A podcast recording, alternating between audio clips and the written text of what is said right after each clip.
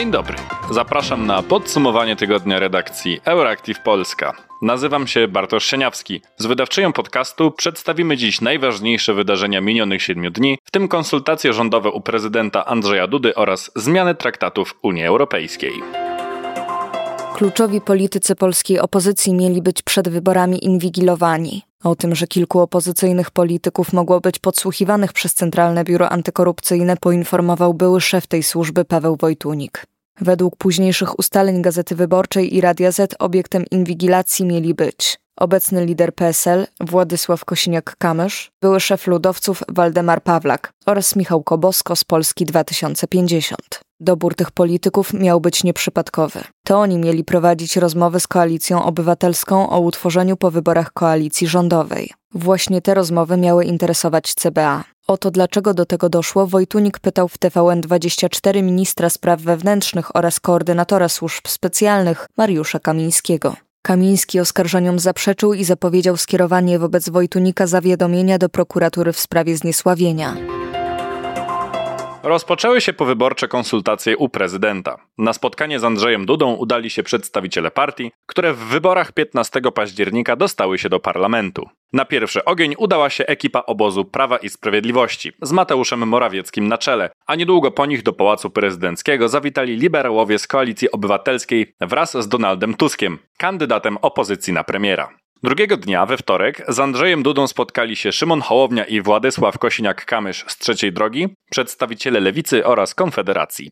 Rozmowy z prezydentem dotyczyły utworzenia rządu i tego, komu Andrzej Duda powinien powierzyć tę misję. Prezydent oświadczył w tym tygodniu, że pierwsze posiedzenie nowego Sejmu odbędzie się 13 listopada. Bez zaskoczenia głowa państwa dała do zrozumienia, że misję utworzenia rządu przekaże Mateuszowi Morawieckiemu, choć szansa na uzyskanie przez jego gabinet wotum zaufania jest niewielka. Eksperci prognozują, że potencjalny rząd obecnej opozycji może zostać utworzony w okolicach końca roku. Trzeba użyć wszystkich, nawet niestandardowych metod, aby ratować pieniądze, które Polsce się należą. Mówił szef PO Donald Tusk na briefingu z przewodniczącą Komisji Europejskiej Ursulą von der Leyen. Szef Platformy Obywatelskiej, choć od wczoraj jest już oficjalnym kandydatem opozycji na premiera, szefem rządu wciąż nie jest. Wiadomo jednak, że spotkanie z Ursulą von der Leyen ma pomóc w jednym z największych wyzwań, jakie staną przed nowym rządem, czyli odblokowaniem wartego 160 miliardów Krajowego Planu Odbudowy. Jestem tutaj oczywiście wciąż jako lider opozycji, nie jako premier, ale czas płynie i to nieubłaganie. Musiałem podjąć tę inicjatywę, zanim dojdzie do ostatecznych rozstrzygnięć powyborczych ponieważ trzeba użyć wszystkich, nawet niestandardowych metod, aby ratować pieniądze, które Polsce się należą i które wynikają zarówno z tradycyjnych funduszy europejskich, jak i z funduszu odbudowy, tak zwanego KPO, mówił Tusk. Sytuacja w dziedzinie rządów prawa na świecie pogarsza się już szósty rok z rzędu. Tak wynika z raportu World Justice Project. Od 2016 roku stan praworządności pogorszył się już w 78% badanych państw. Na całym świecie jest coraz gorzej, jeśli chodzi o kontrolę parlamentów, wymiaru sprawiedliwości i społeczeństwa obywatelskiego nad władzą wykonawczą. Pogorszenie się sytuacji w aspekcie w ciągu ostatnich siedmiu lat odnotowano w 74% państw. Mimo, że Unia Europejska pozostaje bastionem praworządności, to w 14 z 27 krajów odnotowano gorsze wyniki niż w roku ubiegłym. W porównaniu z wynikami z 2016 roku tylko 8 państw się poprawiło, aż 12 pogorszyło. Tegoroczną gwiazdą rankingu jest Bułgaria, która zajęła pierwsze miejsce na świecie pod względem poprawy stanu praworządności w stosunku do ubiegłego roku. Poprawę sytuacji odnotowano we wszystkich obszarach z wyjątkiem niewielkiego spadku w zakresie egzekwowania przepisów.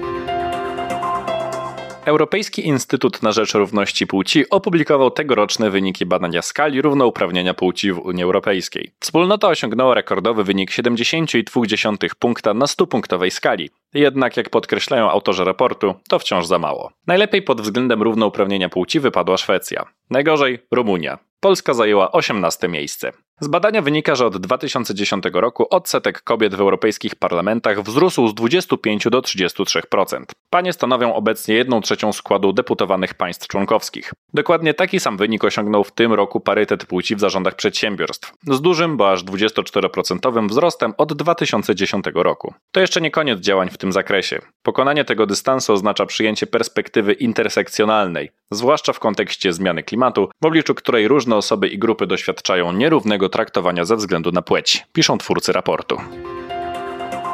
Parlament Europejski wykonał 25 października pierwszy krok w stronę fundamentalnych zmian w dwóch traktatach założycielskich Unii. Wszyscy europarlamentarzyści wypowiedzą się w tej sprawie w listopadzie. Jednak ostateczna decyzja należy do państw członkowskich. Współsprawozdawcami przegłosowanego raportu są przedstawiciele wszystkich grup parlamentarnych, oprócz europejskich konserwatystów i reformatorów. Niezależnie od dalszych losów raportu, proponowane w nim zmiany mają fundamentalny charakter dla funkcjonowania wspólnoty. Chodzi przede wszystkim o zniesienie zasady jednomyślności w głosowaniu w Radzie Unii Europejskiej w polityce zagranicznej, bezpieczeństwa oraz obrony. Kolejną zmianą jest wydłużenie listy kompetencji dzielonych między państwa członkowskie a Unię. Mają do niej dołączyć kwestie dotyczące bezpieczeństwa, obronności, zdrowia publicznego oraz leśnictwa. Przyjęte poprawki zaostrzają także przepisy związane z praworządnością. Raport zakłada również znaczne wzmocnienie roli Parlamentu Europejskiego poprzez przyznanie mu inicjatywy ustawodawczej oraz prawa do współdecydowania o długoterminowym budżecie Unii Europejskiej.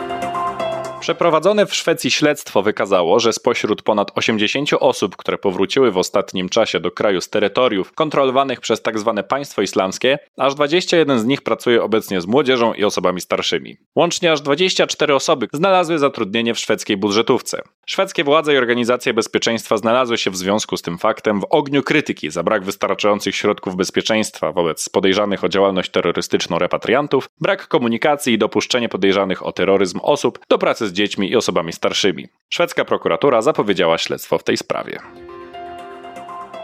Dwa tygodnie temu uszkodzeniu uległ gazociąg Baltic Connector łączący Finlandię z Estonią. W tym tygodniu odkryto przyczynę usterki kotwicę statku, która uderzyła w podmorską konstrukcję. Choć istnieją podejrzenia, że uszkodzenie gazociągu było celowym działaniem sabotażowym, podobnie jak w przypadku systemu Nord Stream w ubiegłym roku, wiele wskazuje na to, że usterka nordyckiej konstrukcji była przypadkowa. Możliwe, że za nieumyślne uszkodzenie odpowiada hongkoński kontenerowiec, który według niepotwierdzonych jeszcze informacji widziany był na Bałtyku bez swojej kotwicy. Ślady odkryte na dnie morza wskazują na to, że ta sama kotwica, którą znaleziono w gazociągu, odpowiadała za zerwanie dwóch podwodnych kabli łączących Estonię z Finlandią i Szwecją. Na potwierdzenie tych domysłów fińskie służby będą potrzebowały jeszcze trochę czasu. To już wszystko w dzisiejszym podsumowaniu tygodnia redakcji Euractiv Polska. W imieniu całej redakcji życzymy udanego weekendu. Do usłyszenia.